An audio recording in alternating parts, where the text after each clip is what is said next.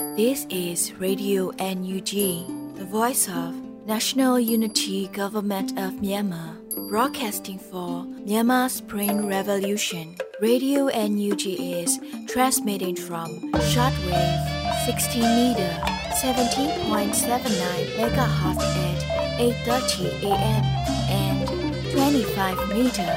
11.94 megahertz at 8:30 p.m. Myanmar Standard Time.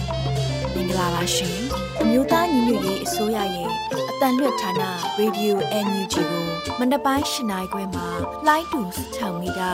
19.3ခုကုန်းမဂါဟတ်စ်နဲ့ညပိုင်း၈နိုင်ခွဲမှာလိုင်းတူ25မီတာ17.3ကိုလီမဂါဟတ်စ်တို့မှာဓာတ်ရိုက်ဖမ်းယူနားဆင်နိုင်ပါပြီရှင်။မင်္ဂလာအပေါင်းနဲ့ကြိုဆိုကြပါစို့။အခုချိန်ကစပြီး Radio NUG စီစဉ်လေးကိုဓာတ်ရိုက်အတန်နဲ့ပေးနေပါပြီ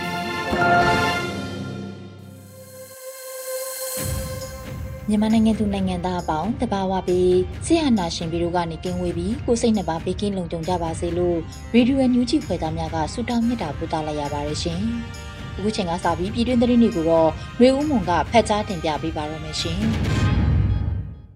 မင်္ဂလာညချမ်းပါရှင်။2023ခုနှစ်ဩဂုတ်လ6ရက်နေ့ Radio Energy ညပိုင်းပြည်တွင်သတင်းတွေကိုတင်ပြပေးသွားပါမယ်။ ကျမကတော့ຫນွေဦးမမစနစ်သစ်ပြောင်းလဲဆိုင်ရာရည်မှန်းချက်စံတန်မှုများအားလမ်းလွဲစေသည့်မြည်သည့်နိုင်ငံရေးအခင်းအကျင်းမျိုးကိုမဆိုပြက်ပြက်သားသားညှင်းပယ်ကြောင်း NUCC နဲ့ NUG တို့ပူးတွဲထုတ်ပြန်တဲ့သတင်းကိုတင်ပြပေးပါမယ်။အောက်တိုဘာ6ရက်မှာပူးတွဲသဘောထားကြေညာချက်ကိုမြို့သားညီညွတ်ရေးအတိုင်းအမြံကောင်စီကအသိပေးထုတ်ပြန်ခဲ့ပါတယ်။ကျွန်ုပ်တို့ဒေါ်လာအင်အားစုများသည်ဆီယနာရှင်စနစ်ပါဝင်အာနာရှင်စနစ်ဟူသည်မြချုပ်ငြိမ်းရေးနဲ့ဖ ရယ်ဒီမိုကရေစီပြည်ထောင်စုတည်ဆောက်ရေးအတွက်ဖရယ်ဒီမိုကရေစီပြည်ညစ်ဖရယ်ဒီမိုကရေစီချတာအစိတ်အပိုင်း1ပါပြည်ထောင်စုမျှော်ရည်ချက်နှင့်စံတန်မှုလမ်းညွှန်အခြေခံမှုများအခြေခံမူဝါဒများနှင့်နိုင်ငံရေးလမ်းပြမြေပုံတို့ကိုအခြေခံ၍နိုင်ငံရေးမှန်းချက်များနှင့်နိုင်ငံရေးရည်တည်ချက်များကိုထုတ်ပြန်လိုက်တယ်လို့ဖော်ပြပါရှိပါရယ်ကျွန်ုပ်တို့မျှော်မှန်းပိုင်းဖြတ်ထားသောမြမနွေဦးဒေါ်လာရင်း၏အန်ဒီမအီမန်းချက်ပန်းနိုင်သည်အသွင်တရံသာမကနှစ်သာရပါပြည့်စုံခိုင်မာ၍ ဖရယ်ဒီမိုကရေစီစနစ်ကိုလက်တွေ့ကျင့်သုံးသော Federal Democracy ပြည်ထောင်စုတည်ဆောက်ရေး System Change ဖြစ်ပြီးအသွင်သဏ္ဍာန်သားပြောင်းရဲ့အနှစ်သာရပြောင်းလဲခြင်းမရှိသောအာဏာရှင်စနစ်ကိုဆက်လက်ရှင်သန်စေမည် အုပ်ချုပ်သူပြောင်းလဲ regime change လုံးဝမဟုတ်ပါလို့ဆိုပါတယ်။ဆိုပါရီမချက်ပန်းနိုင်သောအောင်မြင်စွာရောက်ရှိနိုင်ရန်လက်ရှိတရားမဝင်ဆီယနာသိမ်းယူထားမှုကိုအပြီးတိုင်ဖယ်ရှားရမည်ပြင်ဆီယနာသိမ်းသည့်အလေးအထားနှင့်စစ်တပ်၏နိုင်ငံရေးတွင်ပါဝင်ပတ်သက်နေမှုကိုထာဝရအဆုံးသက်ချုပ်ငြိမ်းစေရမည်ဟုခိုင်မာလက်ခံယုံကြည်တယ်လို့ဆိုပါတယ်။ဒါ့အပြင်အနာဂတ် Federal Democracy ပြည်ထောင်စုတွင်ရသပြည်သူအစိုးရ၏စီမံခန့်ခွဲမှုကိုချွင်းချက်မရှိလိုက်နာပြီးပြည်ပရန်ကာကွယ်ရေးတောင်းဝန်သာထမ်းရသော တိုင်းသားလူမျိုးပေါင်းစုံပါဝင်သည့် Federal ပြည်ထောင်စုတက်မတော်တည်ထောင်သွားမယ်လို့ကျွန်ုပ်တို့ခိုင်မာစွာကတိပြုတယ်လို့ဖော်ပြပါတယ်။ကျွန်ုပ်တို့နေဖြင့်တရားမဝင်ဆရာနာသိမ်းမှုကြောင့်ဖြစ်ပေါ်လာသောပြိပခါများအတွေ့အနာမကလူလူလူဒန်းစားအလွှာအသီးသီးပါဝင်တိုင်းသားလူမျိုးပေါင်းစုံပေါ်ခေတ်ဆက်ဆက်ကျူးလွန်ခဲ့သည့်လူခွေရဲချိုးဖောက်မှုများဆရာဆွေးမှုများလူသားမျိုးနွယ်ပေါ်ကျူးလွန်သည့်ရာဇဝတ်မှုများလူမျိုးသုံးတပ်ဖြတ်မှုများစသည်တို့နှင့်ဆက်လင်း၍မှန်တရားပေါ်ပေါက်စေရန်တာဝန်ယူမှုတာဝန်ခံမှုရှိစေရန်တရားမျှတမှုရှိစေရန် ထပ်မံကျူးလွန်ခံရမှုများမရှိစေရန်အသွင်ကူးပြောင်းရေးကာလတရားမျှတမှု transitional justice လုပ်ငန်းစဉ်များကိုမဖြစ်မနေဦးစားပေးချမှတ်အကောင့်ထဲပေါ်ဆောင်သွားမယ်လို့ဆိုပါတယ်ကျွန်ုပ်တို့သည်အထက်ပိုင်းမှန်းချက်ပန်းနိုင်များအားလက်ခံယုံကြည်သဘောတူပြီးမိမိတို့မျှော်ရည်ပိုင်းဖြတ်ထားသောကိတ္တစနစ်သစ်ပြောင်းလဲရေးဆိုင်ရာရည်မှန်းချက်စံတန်မှုများအားလမ်းလွဲစေသည့်ညီသည့်နိုင်ငံရဲ့အခင်းအကျင်းမျိုးကိုမဆိုပြပြသားသားညှင်းပယ်တယ်လို့ဖော်ပြပါရှိပါတယ်ရှင်။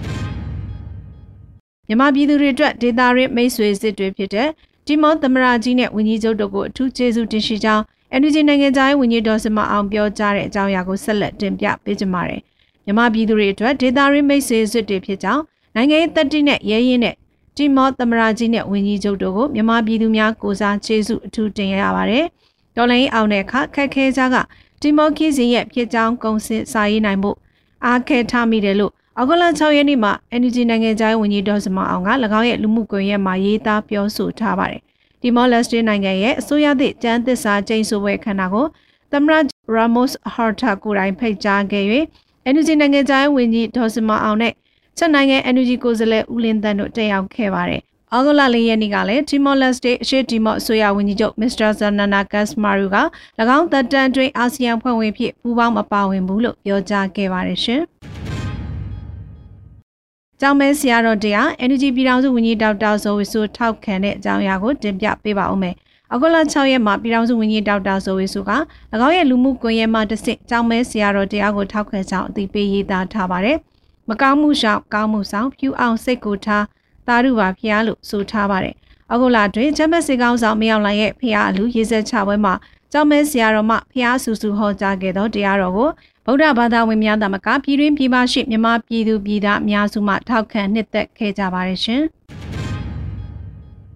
နိုင်ငံရေးလှုပ်ဆောင်မှုဟာဘုံအကျိုးစီးပွားဥထိတ်ထားမှပန်းနိုင်ရောက်မယ်လို့ပြောကြားတဲ့အကြောင်းအရာကိုဆက်လက်တင်ပြပေးပါမယ်။နိုင်ငံရေးလှုပ်ဆောင်မှုဟာဘုံအကျိုးစီးပွားဥထိတ်ထားမှပန်းနိုင်ရောက်မယ်လို့အောက်ဂုလအတွင်းမှာဒုတိယဝန်ကြီးဦးမော်ထွန်းအောင်ကသုံးသပ်ဆိုထားပါတယ်။နိုင်ငံရေးလုပ်တယ်ဆိုတာအဲနိုင်ငံထဲမှာရှိတဲ့ဝီနီယတတဝအပေါင်းကတိုးတောင်းရာခဲလှတဲ့လူဘဝလေးခဏရနေတော့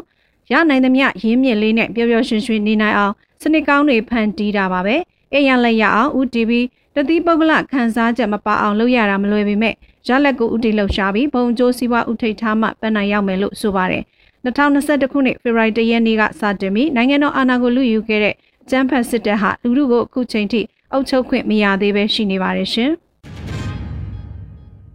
ဆက်လက်ပြီးချင်းမျိုးသားကောင်စီမင်းတပ်ကိုဖွဲ့စည်းတဲ့တရင်ကိုတင်ပြပေးပါမယ်။ ချင်းမျိုးသားကောင်စီမင်းတပ်ကိုဖွဲ့စည်းကြောင်းကိုအောက်တိုဘာ6ရက်မှာချင်းမျိုးသားကောင်စီမင်းတပ်ကတရားဝင်အသိပေးကြေညာခဲ့ပါတယ်။ကြေညာချက်အရအနာဂတ်ချင်းလူမျိုးများအတွက်နိုင်ငံရေးလမ်းစဉ်များချမှတ်နိုင်ရေး Federal Democracy ရေး ကိုကကြမကိုဖန်တီရဲ့ဒန်းတူရေးတို့ကိုအခြေခံအာမခံချက်ပေးမိမူဝါဒလုပ်ငန်းများရေးဆွဲချမှတ်အကောင့်ထဲပေါ်မိနိုင်ငံရေးဥဆောင်ဖွဲ့ရေးတကြီးလိုအပ်လာတယ်လို့ဆိုပါတယ်မူဝါဒလုပ်ငန်းစဉ်များကိုရေးဆွဲချမှတ်အကောင့်ထဲပေါ်နိုင်တဲ့အတွက်ချင်းမျိုးသားကောင်စီမင်းတပ်ကိုဖွဲ့စည်းလိုက်တယ်လို့ဆိုထားပါတယ်ရှင်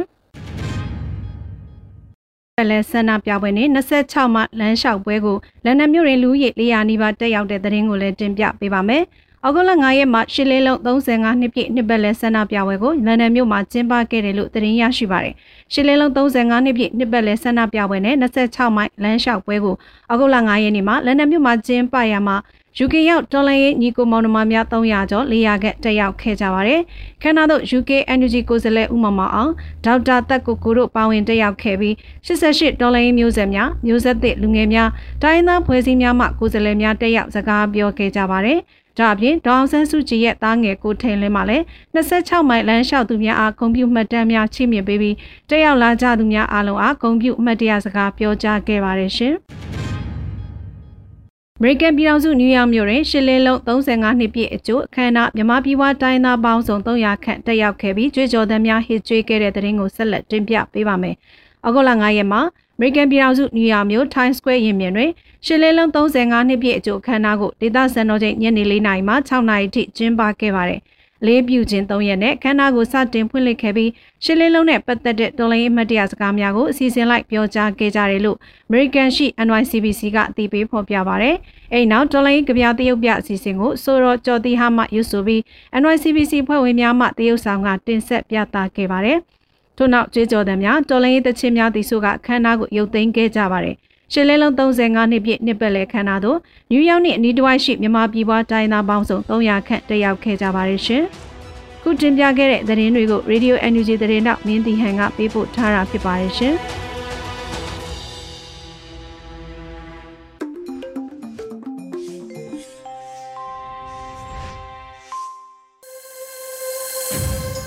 ရေဒီယိုမြူးချီကိုနာတော်တာဆင်နေတဲ့ပြည်သက်များရှင်။အခုဆက်လက်ပြီးနားဆင်ကြရမှာကတော့မကြေးမုံပေးပို့ထားတဲ့စိုက်ပျိုးစည်းဝါးတောင်းသူစကားသံစီစဉ်ဖြစ်ပါတယ်။မြမဖရဲတကွားစေးကွက်နလန်ထူဖို့တောင်းသူတွေခက်ခဲရှိနေတယ်ဆိုတဲ့အကြောင်းကိုတော့ຫນွေဦးမိုင်ကတင်ဆက်ပေးထားပါတယ်ရှင်။ရေဒီယို UNG ကိုနားဆင်နေကြတဲ့ပရိသတ်များရှင်အခုတင်ဆက်ပေးမယ့်အစီအစဉ်ကတော့စိုက်ပျိုးစီးပွားတောင်သူစကားသာအစီအစဉ်ကိုနားဆင်ကြရမှာပါ မြမဖျဲသည်တခွာစည်းကွက်နလန်ထူဖို့တောင်သူတွေစ조사လာကြပေမဲ့တောင်သူအများစုကတော့စိုက်ပျိုးဖို့အခက်ခဲရှိနေသေးပါဒီသတင်းကိုမှချင်းမုံကပေးပို့ထားပါတယ် COVID-19 ကပ်ရောဂါနဲ့တူစစ်တပ်ကအာဏာသိမ်းပြီးတဲ့နောက်ပိုင်းမြန်မာဖရဲနဲ့တခွာစိုက်ပျိုးထုတ်လုပ်မှုကအကြီးအကျယ်ကျဆင်းခဲ့ပြီးတောင်သူအများစုကစိုက်ပျိုးထုတ်လုပ်နိုင်ဖို့အခက်အခဲရှိနေသေးပါစကိုင်းတိုင်းဒေသကြီးအခြေစိုက် ဖရဲအကြီးကျယ်စိုက်ပျိုးခဲ့တဲ့တောင်သူတဦးကလက်ရှိစိုက်ပျိုးထုတ်လုပ်နိုင်တဲ့အခြေအနေကိုအခုလိုပြောပါရယ်ကျွန်တော်ပထမဆုံးစပြောမှာကိုဗစ်ကိုဗစ်စဖြစ်တဲ့အချိန်ကျွန်တော်လက်ထဲမှာစိုက်ရကမခူးရသေးတဲ့အတီးရဲ့အရေးကြီးဧက120ရှိအခွားဘွေးကဧက40ရှိအလုံးဝမခူးရဒီတီးတွေကိုကျွန်တော်တို့တယောက်ကပိတ်လိုက်ကြတယ်ဘယ်ဟိုပို့မလဲဆိုတော့ပြဿနာဖြစ်လာဘယ်ဟိုပို့မလဲကျွန်တော်တို့ဒါဒီဘက်လိုက်ရှာရှာရှာနေ ဒီရန်ကုန်ဒီနေ့တို့စမိတ်ဆက်ဘယ်လိုမိတ်ဆက်ရလဲလကားပြီးပြီတကြက်မပြရဘူးလကားပြီးရတယ်ဒီလကားကိုပြီးရတယ်ခင်ဗျားတို့ကားကပဲခံမှာကားပေါ်ကြောကျွန်တော်တို့ပြင်ပေးပါမယ်အဲ့လိုကိုကျွန်တော်လကားပေးရတယ်အဲ့ဒီလကားပေးတဲ့ကြားရမှာဒီမှာရှိတဲ့လူတွေပုံရောင်းမပေးနိုင်နီးနီးဆက်ရတယ်ကိုကျွန်တော်တို့အကုန်လုံးလကားလိုက်ပြီဇွာတွေပေါ့နော်ဒါကြီး ဒါဒီအဲ့တနေ့ပြီးသွားတယ်အဲ့တညိုးသေးဆိုကျွန်တော်စပြီဒုတိယနေ့မှာကျွန်တော်ဆက်လုပ်နိုင်ငံရေးပြောင်းလဲနိုင်ငံရေးပြောင်းလဲဖြစ်တဲ့အချိန်မှာဒါ market ကထပ်ပြီးဖြစ်ဆက်လို့ကျွန်တော်တို့ကဒါကျွန်တော်တို့မှတော်တော်ကိုခက်ခဲဖြစ်နေတယ်လက်ရှိရတီဦးတူကမြန်မာနိုင်ငံအလဲပိုင်းနဲ့ရှမ်းပြည်နယ်တို့မှာဖရဲစတင်စိုက်ပျိုးဖို့ထွန်းရဲလက်ရှိတဲ့ရာသီဖြစ်ပေမဲ့မိုးများနေတဲ့အတွက် လုပ်ငန်းစတင်နိုင်တာတော့မရှိသေးပါဘူးအခုနှစ်ဖရဲရာသီမှာတော့တရုတ်နိုင်ငံကလာရောက်ရင်းနှီးမြှုပ်နှံတဲ့စိုက်ခင်းတွေပိုများလာဖို့ရှိရလို့နီးစပ်သူတွေကပြောဆိုနေကြပါတယ်2021ခုနှစ်ရှေ့ပိုင်းမှာမြမဖရဲနဲ့တခွာစိုက်ဧက9000နီးပါးမှာတရုတ်နိုင်ငံကနေလာရောက်စိုက်ပျိုးမှုကဧက3000လောက်ရှိပါတယ်။ဒါကြောင့်ဒီနှစ်မှာလည်းဖရဲစိုက်ပျိုးမဲ့တရုတ်နိုင်ငံကယင်းနှိမြုပ်နှံသူတွေပြန်လည်ဝင်ရောက်လာတဲ့အတွက် မြန်မာတောင်သူတွေလည်းဈေးကွက်ပြန်လည်ဖွံ့ဖြိုးနိုင်ခြေကိုသုံးသပ်ပြီးပြန်ဆိုင်လာကြတာဖြစ်တယ်လို့သုံးသပ်ခံမှန်းကြတာဖြစ်ပါတယ်။မြန်မာတောင်သူတွေအနေနဲ့ပြည်ပတင်ပို့ဖို့ရည်ရွယ်စိုက်ပျိုးတဲ့ဖရဲတအေကကုန်ကျစေကကျပ်သိန်း40လောက်ရှိပြီး16တန်းပါဖရဲကားတစ်စီးတရုတ်နိုင်ငံအရောက်ကုန်ကျစေကမနှစ်ကထက်ကျပ်သိန်း20လောက်ပိုပြီးကုန်ကျလာနိုင်တယ်လို့မန္တလေးမြို့အခြေစိုက်ဖရဲတောင်သူတူကပြောပါရယ်ဒီနှစ်ကတော့ ကျွန်တော်တို့သုံးသပ်တာတော့ကုန်များလိတ်တွေများမယ်များမယ်ဆိုတော့တစ်ချက်အခုကခြေခံပြောရင်တော့ဟိုတချို့မြေငှားကလည်းဈေးတက်တယ်ဈေးတက်တယ်ဆိုတာဘာလို့လဲတချို့ပြီးနိုင်လေးတွေလည်းဈေးတက်လာတော့မြေငှားကဈေးတက်တယ်တစ်ချက်နှစ်ချက်ကလှုပ်သားကကမနစ်က9000 6000ဆိုဒီနှစ်6000 9000လောက်အနည်းဆုံးဖြစ်မယ်သုံးချက်ကဒီဇယ်ပေါ့နော်ဒီဇယ်လည်းကျွန်တော်တို့သုံးရတာဆိုတော့ဒီဇယ်ဈေးကလည်းအဲတက်တက်မယ်ဒီဇယ်ဈေးတက်မယ်အဲ ကျွန်တော်တို့ ကုန်ကြလိတ်ဒီနေ့ကတော့ တက်မယ် မြေဩဇာကတော့ လောလောဆယ် ဈေးကွက်ပေါက်ဈေးက မနစ်ကနဲ့ဆိုင်တော့ နည်းနည်းပြန်ကျတယ် မနစ်ကနဲ့ဆိုင် ဒီနေ့နည်းနည်းပြန်ကျတယ် အဲ့ဒါတော့ဆေးရတော့ မကျဘူး အဲ့တော့ ကျွန်တော်တို့ သုံးသပ်တာ ကျန်တဲ့ ဒီဟောပေါ့ကျွန်တော်တို့ဒီဟိုဖရဲလိတ်ဆိုတာက မိုးကလိတ်ပေါ့နော် စိုက်ကင်းနေခင်းတဲ့အိတ်လိတ်တွေကလည်း မနစ်ကနဲ့ဆိုင် ဒီနေ့တက်တယ် အဲ့ဒီပြီးတော့ဟိုပေါ့ draw irrigation ပေါ့ ဒါမှမဟုတ် drip irrigation အဲ့ကောင်တွေကလည်း တက်တယ် အဲ့တော့ကျွန်တော်တို့သုံးသပ်တာကတော့မနစ်ကကျွန်တော်တို့တရုတ်ပြည်အရောက်စုပေါင်းကုန်ကြစီဥမာကဲဒီကိုတရုတ်ဂျူဒီပမာဂျူဒီပါညာဟိုကြီးဒီကြီးပေါင်းလို့80ဆိုဒီနေ့85နဲ့90ကြားလောက်တော့ရောက်မယ်လို့တော့ခံမှန်းထားတယ်ဗျမြန်မာဖရဲနဲ့တခွားတင်ပို့မှုက2021အရှေ့ပိုင်းကာလတွေမှာတန်ချိန်၄သိန်းဝန်းကျင်ပုံမှန်တင်ပို့ခဲ့ပြီးတောင်သူတွေမှာ နိပညာကအစကိုထုကိုထရှာဖွေစိုက်ပျိုးထုတ်လုပ်နိုင်ခဲ့တဲ့ထိတ်တန့်မြန်မာပုတ်ကုံဖြစ်ခဲ့ပါတယ်။စကိုင်းမန်းလေးမကွေးရှမ်းပြည်နယ်၊အီယော်ရီတိုင်းရန်ကုန်တိုင်းနဲ့မွန်ပြည်နယ်တို့မှာဒီသီးနှံကိုအဓိကစိုက်ပျိုးခဲ့တာဖြစ်ပါတယ်။2021စစ်တပ်ကအာဏာသိမ်းပြီးတဲ့နောက်ပိုင်းမြန်မာဒီမိုကရေစီအရေးကိုအကြမ်းဖက်ဖိနှိပ်လာတဲ့အတွက်တွာလာရေးခက်ခဲလာတဲ့အပြင်လုံသားအများပြားနဲ့ ပြောင်းရွှေ့လောက်ကင်ရတဲ့ဖရဲနဲ့တခွားစိုက်ပျိုးတဲ့လုပ်ငန်းကိုအကြီးအကျယ်ထိခိုက်စေခဲ့ပြီးစိုက်ဧကအများပြားကျဆင်းလာတာဖြစ်ပါတယ်။အခုတင်ဆက်ပေးခဲ့တဲ့မြေပြင်သတင်းအကြောင်းအရာတွေကိုတော့ Radio UNG သတင်းထောက်မကြီးမုံကပေးပို့ထားတာဖြစ်ပါတယ်ရှင်။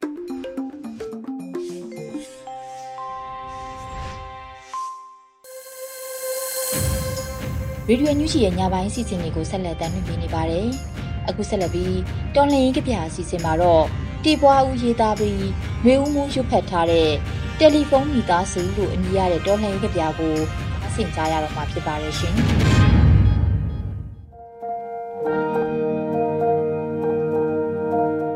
telephone မိသားစုဖုန်းဘယ်နှခါဆက်တယ်လဲဖုန်းဆက်တော့ရောဘလို့ထင်တယ်လဲဖုန်းဆက်တော့ရောလိုလိုလာလာရှိခဲ့လို့လား အတန်ဖန်းဆက်ကိုဖွင့်ထားလိုက်ကျွန်တော်ကျမတို့အဲ့ဒါလို့မပြောပါဘူးအဲ့ဒါဆိုရင်ရက်ကွက်ထဲထမင်းအလကားကျွေးမယ်ဂုံကြီးရှင်လိုလိုအိမ်ကြီးရှင်လိုလိုမျိုးလော့စပီကာဖွင့်ပြီးတမျိုးလုံးကြောင်းဖွင့်ချပြရမလားလိန်လို့မရဘူးအတန်သွင်းထားလိုက်ပြီလေလိန်နေတဲ့ကြိုးကိုဖြည့်ကြည့်ပါဘယ်တော့မှမဖြတ်ဘူးမကောင်းခဲ့ဘူးမှန်ပါတယ်မှားခဲ့တယ်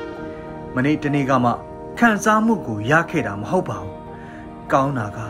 ဘယ်ခါလာနိုင်ပါမလဲမနက်9နာရီထိုးကလေးကကြီးကန်းအုပ်ဟာလေဟုံကိုကန့်လန့်ဖြက်စီးပြီးအော်ဟစ်ပြန်တန်းသွားကြသေးတယ်အိမ်ထဲမှာကြောင်ပြောက်နေတယ်ဒါပေမဲ့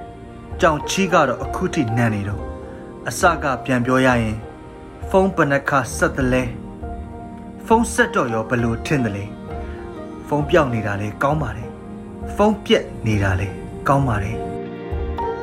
တဲ့ပွားဦး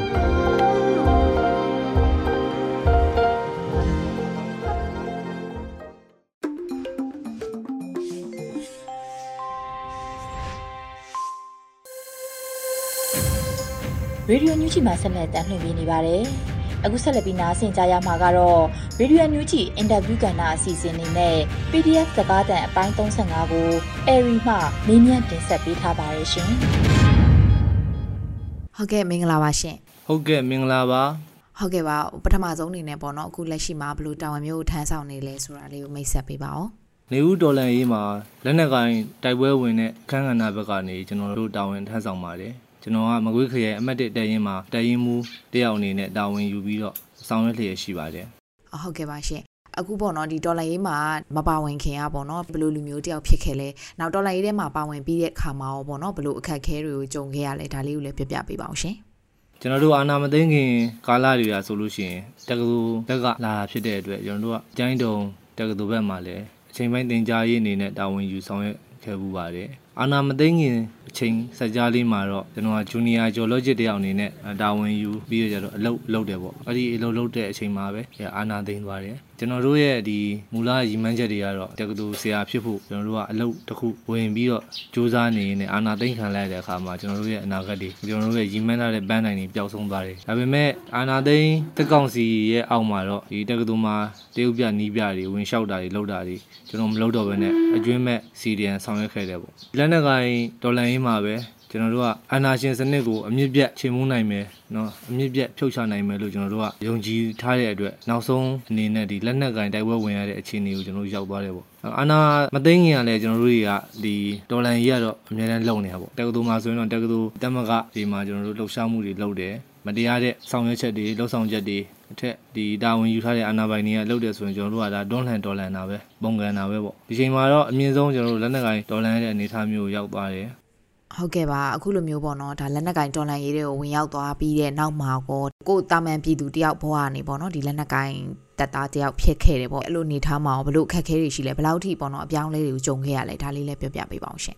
ဒေါ်လာရေးမှာတော့ကျွန်တော်တို့အခက်အခဲတွေကတော့အများကြီးရှိကြတာပေါ့ကျွန်တော်တို့အစားတုန်းကဒီတင်းတန်းသွားတတ်တယ်လိုင်ဇာပေါ့လိုင်ဇာသွားတတ်တယ်ကျွန်တော်တို့တခါမှမတွေ့ကြုံခဲ့ရဘူးတဲ့ဘဝအခြေအနေမျိုးတွေတခါမှမကြုံခဲ့ရဘူးတဲ့ဘဝတစ်ခုကိုကျွန်တော်တို့ကြုံတွေ့ရတဲ့အခါမှာတော့အရာရာတိုင်းဟာအခက်အခဲတွေကြီးပဲပေါ့စားတာတောက်တာရေချိုးတာတန်စင်ငန်းသွားရတဲ့ဒီဒီကိုကြီးကျမ်းမာရေးကိစ္စတွေကမစားအရာအလုံးတော့အခက်အခဲတွေပဲဒါပေမဲ့ဒီအခက်အခဲတွေကကျွန်တော်တို့တွေဒေါ်လာရေးအောင်မြင်ဖို့အတွက်ကျွန်တော်တို့ဘဝတစ်ခုအတွက်တော့ရင့်ကျက်မှုတွေအဖြစ်ဒါကျွန်တော်တို့တင် जा ပေးတဲ့တွန်းအားပေးတဲ့ဆရာတွေလိုပဲကျွန်တော်တို့ဒါကျေးဇူးတင်စရာကောင်းပါတယ်ဒေါ်လာရေးနှစ်ကြာလာတာနဲ့အမျှကျွန်တော်တို့လက်နက်ကိုင်တပ်ဖွဲ့ဝင်တွေဟာလည်းစူးစီးမှုစနစ်ကြမှုတွေပို့ပြီးတော့အားကောင်းလာပါတယ်တချို့တလေတော့ရှိသေးတာပေါ့နော်ဒါတွေကလည်းအချိန်တစ်ခုမှတော့ကျွန်တော်တို့တပေါင်းစီလည်းဖြစ်သွားလိမ့်မယ်လို့မျှော်လင့်ပါတယ်ကျွန်တော်တို့ MOD ကာကွယ်ရေးဝန်ကြီးဌာနဘက်ကနေချမှတ်ထားတဲ့စီမင်းစည်းကမ်းတွေရှိတယ် chain of command ပေါ့နော် COC သဘောတရားတွေရှိတယ် ဒီ MOD ဝန်ကြီးဌာနစေယုံချုပ်စစ်တေသတိုင်းပေါ့ကိုကဲကြီးအစင်းစင်းကချမှတ်ထားတဲ့အမိန့်တွေစီမင်းစည်းကမ်းတွေကိုတော့ကျွန်တော်တို့တွေဒီတိုင်းရင်တပ်ဖွဲ့တွေအားလုံးကစနစ်တကျနဲ့တိတိကျကျတမ်မနီစီမင်းတွေလိုလိုက်နာနိုင်မှုလိုတယ်လိုက်နာလဲလိုက်နာဆောင်ရွက်လျက်ရှိကြတယ်အရာရာတိုင်းမှာတော့ချွင်းချက်ချွင်းချက်တချို့တော့ရှိတာပေါ့နော်ကျွန်တော်တို့တရားရခိုင်နှုန်းလိုက်နာနိုင်ကြပြီလားအဖွဲ့တရားရှိရင်တရားလုံးကလိုက်နာနိုင်ကြပြီလားဆိုတော့ကျွန်တော်တို့ဒါတော့ချွင်းချက်အနေနဲ့တော့ရှိရင်ရှိပါလိမ့်မယ်အဲတေချာတာတစ်ခုကတော့ကျွန်တော်တို့တိုင်ရင်မှာတော့တမ်မနီစီမင်းစည်းကမ်းတွေကဲလို့တမ်မနီကျင့်ဝတ်တွေကဲလို့ကျွန်တော်တို့တော်တင်မသိလိုက်နာဆောင်ရွက်ကြတယ်ရဲဘော်ဒီအနေနဲ့လည်းနှစ်ကာလကြာလာတာနဲ့အမျှအမိန့်နာခံမှုနဲ့ဒီကုတ်ကဲရေးသဘောတရားဘလောက်အရေးပါလဲဆိုတာကိုသိမြင်လာကြတဲ့အခါမျိုးမှာကျွန်တော်တို့တွေဥဆောင်နေရတဲ့အပိုင်းတွေဥဆောင်နေရတဲ့ရှေ့ပိုင်းခေါင်းဆောင်တွေအနေနဲ့လည်းလောက်ရတာခရီးပို့ပြီးတော့တွင်လာပါတယ်ပေါင်းမြောက်လာပါတယ် ဟုတ်ကဲ့ပါဒါဆိုလို့ရှိရင်ဒီတက်မှာပေါ့နော်ဒီတက်ရင်မှာဆိုလို့ရှိရင်လည်းဒီစားနေရိတ်ခါတို့ဘာလို့ ਨੇ ပတ်သက်လို့ပေါ့တချို့တွေဆိုလို့ရှိရင်အခက်ခဲရှိရလို့ကြားခဲ့ရတာရှိရလေအခုလက်ရှိမှာရောဘယ်လိုမျိုးအခက်ခဲတွေရှိနေသေးလဲအဆင်ပြေရလားဒါလေးလည်းပြောပြပေးပါအောင်ရှင် ကျွန်တော်တို့လက်နက်ကိုင်ဒေါ်လာရင်းစပြီးတော့လှုပ်ဆောင်မှာတော့စားရေးတောက်ရေးတို့ကအင်မတန်မှကျွန်တော်တို့ခက်ခဲတယ်ကြမ်းတမ်းတယ်ပေါ့နောက်ပိုင်းမှာတော့ကျွန်တော်တို့ဒီ MOD ကတိုင်းရင်တပ်ဖွဲ့တွေအတီးပြုချက်တွေနော်တိုင်းရင်ကုတ်တွေချလာပေးရတဲ့အမြင်ကလားစဉ်ဒီတက်ထောက်စရိတ်ဆိုပြီးတော့ပေးပါတယ်ဒီတက်ထောက်စရိတ်ကလည်းတကယ်စနစ်တကျစီမံဆောင်ရွက်မယ်ဆိုရင်တော့ဒီထောက်ဖို့စားရေးတောက်ရေးကိစ္စအတွက်ကတော့အဆင်ပြေပါတယ်အဆင်ပြေတဲ့အနေအထားပမာဏတစ်ခုကိုပေးပါတယ်ဝန်ကြီးဌာနဘက်ကနေဒါဟာတိုင်းရင်ကုတ်ရရှိပြီးတဲ့တိုင်းရင်တိုင်းကိုဒါ ဝန်ကြီးဌာနဘက်ကနေတက်ထောက်စိတ်ပြီးပါတယ်ဒါဒီရရှိလာတဲ့အပေါ်မှာပဲတရင်မှုတွေကသူတို့ရဲ့စင်ကြီးတုံတရားနဲ့နော်စီမံဆောင်ရွက်ပြီးတော့တက်တွင်းမှာပြန်လဲအဆင်ပြေအောင်အသုံးပြုကြရတာဖြစ်ပါတယ်ဒီအတွက်စာရေးတော်ကြီးကလည်းဟိုရခင်နေရလောက်တော့ကျွန်တော်တို့စိုးရင်ရတဲ့ခက်ခဲကြမ်းတမ်းတဲ့အနေထားတော့မဟုတ်ပါဘူးဒါပေမဲ့ရှေ့တန်းသွားတဲ့အခါမျိုးမှာတော့ငတ်တယ်လည်းပြတ်တယ်လည်းရှိပါတယ်ဘာကြောင့်လဲဆိုတော့ရှေ့တန်းရဲ့သဘောတရားက တဘာတည်းမိမိရိတ်ခါခေရန်တဘာတည်းယူဆောင်သွားရတာပေါ့နော်တချို့ရှည်တန်းတွေကနောက်ကနေထောက်ဖို့ပို့လို့အဆင်ပြေတယ်တချို့နေရာတွေအဆင်မပြေဘူးရှည်တန်းတော်တော်များများကတော့အဆင်မပြေတာများပါတယ်ရှည်တန်းရဲ့သဘောတရားကဒီအတွင်းတရံဆောင်တာဆိုတော့လေစာရေးတော်ကြီးကဟုတ်ကဲ့ပါတရင်မှုတို့တက်ကပေါ့နော်ဒီရဲဘော်လေးတွေရဲ့အခြေအနေတွေစိတ်သက်ပိုင်းဆိုင်ရာပဲဖြစ်ဖြစ်ပေါ့နော်သူတို့ရဲ့မိသားစုပိုင်းဆိုင်ရာရောအခြေအနေတွေရောဟိုစိတ်သက်တက်ကြွမှုအခြေအနေတွေဘယ်လိုမျိုးရှိပါလဲရှင်တိုက်ပွဲဝင်ရဲဘော်တွေကကျွန်တော်တို့ နှစ်ကာလကြာလာတာနဲ့အမျှတချို့တွေကတော့အီလာတယ်ပေါ့နော်ဒေါ်လာကြီးပေါ်မှာအီလာတယ်တခါလေကျတော့ပြင်းလာတာပေါ့စိတ်စိတ်ဓာတ်လောက်ရတာပြင်းလာတာဟိုလူကပြင်းတာမဟုတ်ဘူးပေါ့နော်အချိန်ကြာလာတဲ့နဲ့အမျှအီလဲလဲဖြစ်လာရဲ့ရှိတယ်တခါတလေတော့လဲဒီလိုမျိုးဖြစ်တတ်တဲ့သဘောတွေကတော့နေရာတိုင်းတရင်တိုင်းတော်တော်များများမှာရှိပါတယ်ဒါတွေကိုကျွန်တော်တို့ဒီတရင်မှုတွေဒုတက်ရင်မှုတွေတက်ခွဲမှုတွေဒါတက်မှုတွေကနေပြီးဆိုမိမိရဲ့ရဲဘော်တွေစိတ်သက်မြင့်တင်ရေးအတွက်ဒါတွေလောက်ရတဲ့ကဏ္ဍတွေလည်းရှိပါတယ်ဒေါ်လာရေးကိုလုံးဝအပြီးပြတ်စိတ် ကုံသွားတယ်စိတ်ညစ်သွားတယ်ဆိုတဲ့ရဲဘော်တွေဆိုတာမျိုးတော့မတွေ့ရဘူးပေါ့နော်ရှားပါပါတယ်ရဲဘော်တွေကဒေါ်လာရေးနှစ်နှစ်ကြာပြီဆိုတော့လဲစိတ်တွေကရင်းရိုင်ခြင်းပြက်ပြားခြင်းတော့ဒါမရှိဘူးမတွေ့ရဘူးပေါ့နော်ယနေ့ချိန်ထိရှေ့တန်းရှိတယ်တိုက်ပွဲရှိတယ်ဆိုရင်မလဲလို့စိတ်ဆိုးတဲ့သူမလဲလို့ငိုတဲ့သူဒါမျိုးပဲရှိတာအာဒီစိတ်ပြက်နော်အားငယ်တိမ်ငယ်တဲ့လူတွေလို့တော့မရှိပါဘူးရဲဘော်တွေအနေနဲ့ ဟုတ်ကဲ့ပါအခုဆိုလို့ရှိရင်လည်းဒီနယူးဒေါ်လာရေးရလဲပေါ့နော်နှစ်နှစ်လဲကြော်လာပြီးသုံးနှစ်ထဲရောက်နေပြီဆိုတော့အဲဒီပေါ်မှာရောဒါတိုင်မှုတို့အနေနဲ့ပေါ့နော်ဘာတွေပြောချင်တာတွေရှိလဲနောက်ပြည်သူတွေရောဘာတွေပြောချင်ပါသေးလဲရှင်ဒီနေရာကနေပြောပေးပါအောင်ဒီဒေါ်လာရေးနှစ်နှစ်ပြည့်တဲ့အခါမှာကျွန်တော်တို့ထင်မှတ်ထားတဲ့အတိုင်းအတာအရွေးထဲတော့အများကြီးတိုးတက်မှုရှိတယ်ပေါ့လက်နက်ကိုင်ဒေါ်လာရေးနှစ်နှစ်ကျော်အတိုင်းအတာသုံးနှစ်အတွင်းပေါ့နော်နှစ်နှစ်ပြည့်ခဲ့ပြီသုံးနှစ်အတွင်းရောက်တဲ့အနေထားမှာတင်တရင်တောက်ဘက်စုဘက်မှုတွေစနစ်ကျလာတယ်ကိုကဲကြီး COC သဘောတရားတွေမ ကြစ်လက်ခိုင်မာလာတယ်ဒါတွေဟာကျွန်တော်တို့တခြားနိုင်ငံဒေသတွေနဲ့မတူတဲ့ကျွန်တော်ထူးခြားတဲ့ကျွန်တော်တို့နိုင်ငံရဲ့ကျွန်တော်တို့ပြည်သူလူထုကျွန်တော်တို့ရဲဘော်တွေရဲ့ဆွဲဆွဲမြဲမြဲခိုင်ခိုင်မာမာထားတဲ့တော်လန်ရေးပေါ်ကျွန်တော်တို့ဒီ energy ဆိုရပေါ်မှာထားတဲ့ဒီယုံကြည်မှုနဲ့ခိုင်မာတဲ့ဇွက်တက်တီတွေကြောင့်ဒီအခြေအနေမျိုးထိလင်းလင်းမြဲမြဲဖြစ်သွားတယ်လို့ကျွန်တော်တို့ကတော့ဒါယုံကြည်ထားပါတယ်ကျွန်တော်တို့ပြည်သူတွေကိုကျွန်တော်တို့အထူးတလဲတော့ဒါကြီးပြောစရာမရှိပါဘူးကျွန်တော်တို့တွေအားတင်းထားပါလမ်းနိုင်ဟာကျွန်တော်တို့ရောက်လူပါပြီ ကျွန်တော်တို့တွေဒီလိုအချိန်လေးလေးကနေပြီဆိုနောက်ထပ်တစ်ဆင့်တလန်းနန်လိုက်ပြီဆိုတာနဲ့ကျွန်တော်တို့တွေရဲ့ဒေါ်လာရင်းဟာ100ရာခိုင်နှုန်းလည်းဖြစ်သွားနိုင်ပါတယ်90ရာခိုင်နှုန်းလည်းဖြစ်သွားနိုင်ပါတယ်ကျွန်တော်တို့တွေကအားတင်းပြီးတော့နောက်အရွေးတစ်ခုရောက်အောင်ကျွန်တော်တို့ အန်ကျိတ်ပြီးတော့တွန်းတင်ကြဖို့ပဲကျွန်တော်တို့မေတ္တာရက်ခံတိုက်တွန်းလိုပါတယ်အားလုံးကိုကျေးဇူးတင်ပါတယ်မင်းဆိုမင်းညစ်ဘေးကနေအမြန်ဆုံးလွတ်မြောက်ပြီးတော့ဒီမိုကရေစီအနှစ်သာရပြည့်ပြည့်ဝဝနဲ့လူသားဆန်တဲ့လူတစ်ယောက်ရဲ့လို့ခံစား권ရှိတဲ့ရပိုင်ခွင့်တွေခံစား권တွေအမြန်ဆုံးခံစားနိုင်သည့်တိုင်းသူပြည်သားများဖြစ်ကြပါစေလို့ဆုမွန်ကောင်းတောင်းရင်အားလုံးကိုမင်္ဂလာနှုတ်ခွန်းဆက်ပါတယ်ဗျလေးစားပါတယ်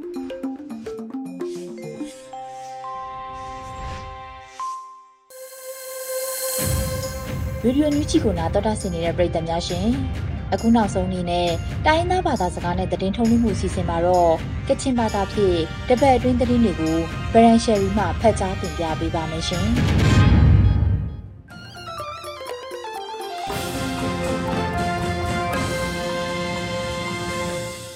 စောရိုင်ဂျရိုဝန်ပေါ်အမျိုးရှာနေရောငွေပြောခမ်းချာငါမြကလောရေဒီယိုအန်ယူဂျီအပန်မီလမိုင်းပြလိုက်ဝါဆိုင်ဖောင်းစတုံရှိကနေဖဲငိုင်ပတန်ရှိကောနာထောရှိလိုက်ရမှာတော့စနာရင်ယာရှောင်းနန်ခုနာအန်ယူဂျီအစိုးရကန်ကွန်ဆမ်ကမ်ဒူဝါလရှိလာကွန်စတတ်ကူနာဝန်ဒေချဲလမ်တီစတော့ကွန်ပရောခပ်လာလွယ်လာစကရမ်ဆလကပါစကရဝရှိကပဲတမ်တညနာရင်ကွန်ရှင်မြန်ဖြန်တပ်နေဒရုမ်ကမ်ဇင်းလိုက်ပဲခပ်လာအိုင်ကိုရီးယားကော်မတီနီကိုကင်ကွန်ကလငိုင်နေအော့ဂတ်စတာကောနာကင်ကွန်ကွန်ဆမ်နေဇူလိုင်စတာဒူခရာ ခပ်လာလူဝိုင်ဝန်ဒေချဲလမ်အလူကွန်ပရောနီကောနာစတာရှ်ကူဆာယာအိုင်ဒေါ်လာဆယ်မီချက်ဘုံအိုင်ရှန်ကွန်ပရောဖဲအန်ယူဂျီအစိုးရဖောင်းတဲ့ဆာယာယာခင်ခေါင်ကွန်ဆုမနေဩဂတ်စတာပရော့ဆုမညာဒုခရာယုံပေါင်ဒေါ်လာဝါလငိုင်တတမချခုဖဲဆာယဟုဆေရလမ်ဩဂတ်စတာပရော့မလီယာရှနီဒတ်ပရော့အိုင်ဝန်တေချဲလန်ယာရှိကကွန်ဂျေလူအဲရေအန်ယူဂျီဆိုယာကန်ကွန်ဆမ်ဂမ်ဒူဝါလရှိလာကွန် one day challenge ni phe madish do kumpro khabla lu sailam shkam sale ka pa shkra wailam ko kin khong kum sum ne augusta prom sum nya shni du khra nga ya shi chkulang tu ma sai re lam che lu e re မတွနာမြန်ဖြန်တပ်နီအကွန်ရှမဲလမ်ဖဲခရင်လူနာမတူကကြထုံလက်တက်ကိုဖြန်ကွန်ကြတဲ့လက်တက်ရဲငါနာခရမန်ကျူဆွနေရှိကဖဲတာမတွညာနာရယ် ဩဂတ်တာပရမ်စမြရှင်တာကလောအိုင်ပရန်ဝလတော့ဘူကာဥခန်းခရန်ခရန့်ဘတ်ကော်မတီမဆက်စမ်ရှိလငိုင်ခရကန်ခင်ခေါင်ခုံစမ်တာမြန်ဖြန်တပ်အကွန်ရှမဲလက်တက်ပဲခရင်လူနာမတူကကြထုံလက်တက်ကိုဖြန်ကွန်ကြတဲ့လက်တက်ရဲငါနာခရမန်ကျူမဝန်ခိုင်တန်ဆွနေရယ်မုံရှာနေဖငယ်မကျော်ပြင်ပူဝအိုင်နေဦးရမလန်ချ PDF နီပေါင်းဖောင်တပ်နီအစံဖက်တန်တန်လင်းလင်းမူလူနာရဲလမ်ရမလန်မထိုင်ပလူလူနာမတူဖျမဆာလမ်ချယောင်ခရက်တုပ် မဒုငိုင်နရတိမုံလောင်နောက်လောင်နာတင်စာမစွတ်ငါအိုင်မြင်ဖြန်တပ်ဖေချခရင်လူနာမတူလက်တက်ကောရှတုရှမိုင်လက်တက်ရဲဖေယောင်ခပ်လာနာငုရှတုအိုင်ငါနာခရင်မောင်တကျစနေရင်တိုင်တန်ကပရဝလတော့ဘူကဥခန်းခရောင်ဖေခရန့်ပရိုအိုင်တာမကောမကရှင်လမ်ဒေါ်နီဖေမောမတုမခိုင်ကကြခရကလောနာငါယာဂရာဝကြိုင်လမ်ကန်ထိုင်လမ်ကမ်ပုံဂရနိုင်တော့ PDF နေတဲ့ပေါင်းငိုင်ဒေါ်နီထမဂရောင်းနာရချက်လမ်နေငါဝါနာရေငါနာခရင်မောင်တကျတပ်စနေလမ်ကျင်းလို့အိုင်ရင် မတွနာအန်တရိုင်လမ်နိဖေခွဲဆိုင်ခရငါယံကွန်ရှမိုင်လက်ချက်ဖေရှမီတဆိုင်ကောရနာရေငါနာမုံဖုံခရီမောင်နိုဆူဇနာလာလာဆူဆွနေရှိကဖေတာမတွညာနာရေအန်တရိုင်လမ်နိဖေခွဲဆိုင်ခရငါချံကွန်ရှမိုင်လက်ချက်ဖေရှမီတဆိုင်ကောရနာရေငါနာမုံဖုံခရီမောင်နိုဆူဇနာလာလာဆူအောဂတ်စတာပရမ်ဆုမြရှနေတာဆွနေရေပြည်သူပန်းတိုင်နီကလောအိုင်ကွန်ရှမ်ရရပယ်လမ်ကျဲစင်ငိုင်ပုံပန်ဖုံချ CDM ဖြန်တူနေတဲ့ KWO နာဆီယမဆဲဆဲနီပုံပန်နေဖေနာလာလူရယ် တိုင်ချမြန်ဖြန်တပ်ကိုကွန်မရှင်ရရပိုင်လံဖက်တော်လိုက်ဝိုင်ကိုရနာနွေဦးရောမလာအတင်လတော့ဒုခရရ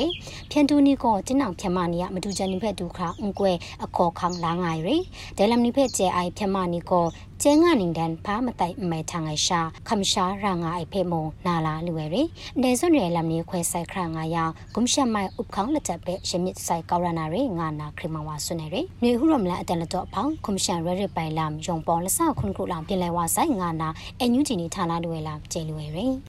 ဖောင်စတုံခုနာမြန်မုန်တင်ထကွယ်ရမုံရှာဝန်ငှက်တတမချခုဂျမ်မဆိုင်ငွေရှိကပဲတာမတွညာနာရကနကွန်ကွန်စုံနေဂျူလိုက်စတာကွန်မလီယာရှနီတူခရာမုန်ကန်ဝန်ပေါ်ရပ်တော့အဂျပန်တာမြန်မုန်နာကွယ်ရမုံရှာဝန်လငါတတမချခုဂျန်မဆယ်ရီတဲကောနာဝန်လငါတတမခရုရမ်ကိုကနကွန်ခွလငိုင်နေဖေဖရိုက်စတာနာဒရုမ်ကမ်ဇင်းလာကဝိုင်ဖငါမတွမနွေပြနိုင် အင်းရှင်လိုမိုင်လမ်နီယာမကျော်ကွယ်ရန်ရိုင်နေရငါနာဩဂတ်စတာပရိုတခွန်ရရှိနေတာ UN OCHA မြန်မာထစွန်တန်တန်ငိုင်ရ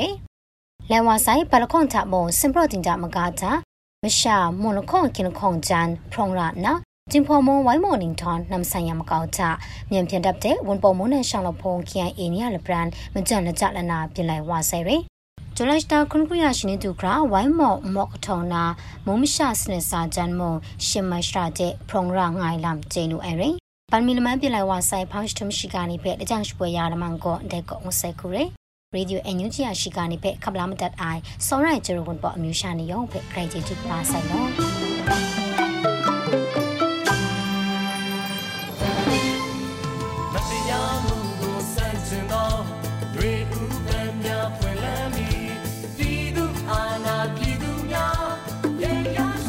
ဒီကနေ့ကတော့ဒီညနေပဲ Radio NUG ရဲ့အစီအစဉ်လေးကိုခေတ္တရန်နာလိုက်ပါမယ်ရှင်မြန်မာစံတော်ချိန်မနေ့၈နာရီခွဲနဲ့ည၈နာရီခွဲအချိန်မှာပြန်လည်ဆုံတွေ့ကြပါလို့ရှင်